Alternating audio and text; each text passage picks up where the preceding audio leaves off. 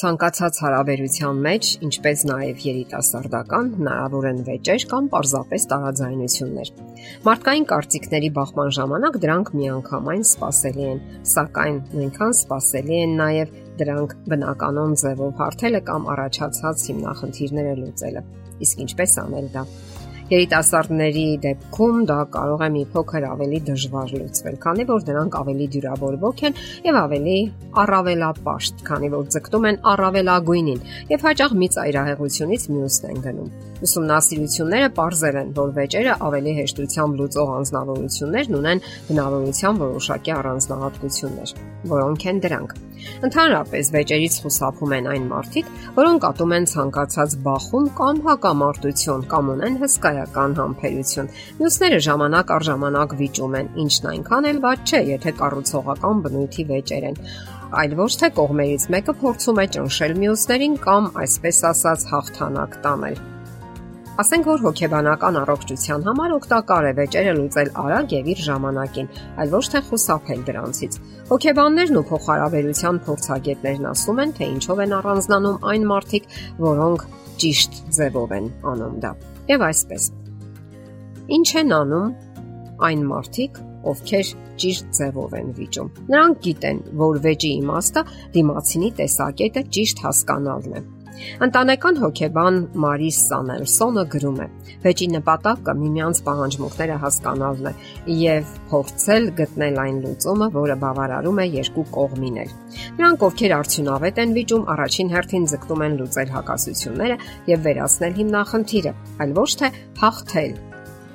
դիմացինին կամ ընդդիմադիր կողմին։ Անթույլատրելի են անձնական վիրավորանքներն ու արժանապատվությունը նվաստացնելը։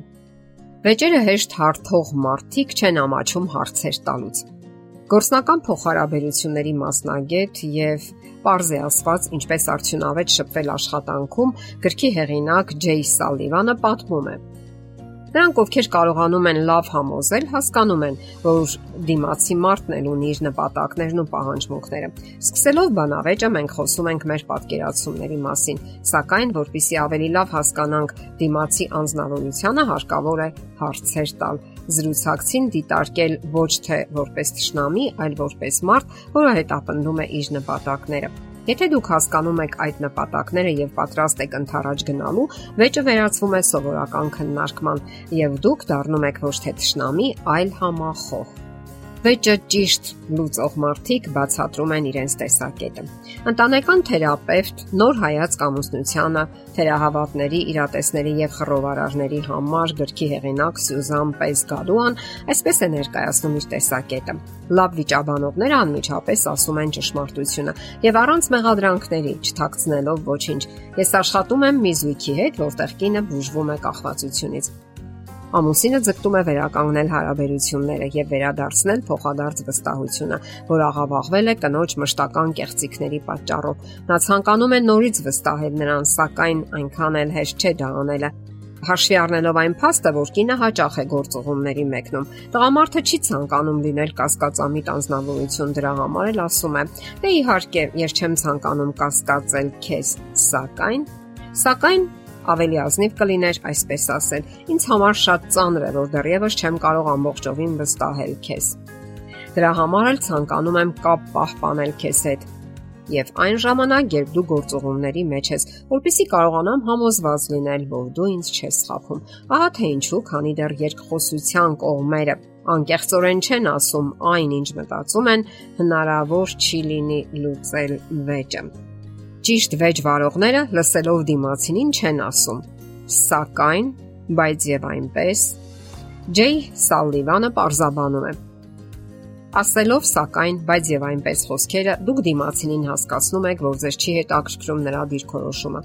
Եթե ես պատրաստվում եմ գնալ աշխատանքի եւ կինս ասում է. «Թանկագինս, սա իհարկե լավ փողկապ է, սակայն Պարզ է, որ ես պետք է փոխեմ փողկապը։ Հնարավոր է այն չի սազում այս կոստյումի կամ վերնաշապիկի հետ, կամ ընդհանրապես այլևս դուրս է նորաձևությունից։ Դա չէ կարևորը, այլ այն, որ ես գիտեմ, որ պետք է փոխեմ փողկապս։ Որպիսի վեճը արդյունավետ լինի, սակայն, բայց եւ այնպես բարերը կարող եք փոխարինել եւ բառով եւ բառը ավելի դրական է հնչում։ Նոր հնարավորություններ է բացում եւ չի արժե զրկում մինչ այդ ասվածը։ Նա ինչ որ նոր բան ավելացնում է զրույցին, այլ ոչ թե փոխում է կամ փորձում է վերացնել արդեն ասվածը։ Դրանով դուք ցույց եք տալիս, որ բաց եք փողզիչումների համար եւ պատրաստ եք ընթառաջ գնալ դիմացինին։ Այսքանով իհարկե չի ավարտվում վեճերը լուծելու հմտությունների շարքը։ Կարևոր է նաև ձայնի տոնը, մարմնի շարժումները, լսելը, այլ ոչ թե համոզելը, ներողություն խնդրելը։ Իսկ այս ամենի մասին կխոսենք մեր հաջորդ հաղորդման ժամանակ։ Եթերում է ճանապարհ երկուսով հաղորդաշարը։ Հարցերի եւ առաջարկությունների համար զանգահարել 033 87 87 87 հեռախոսահամարով։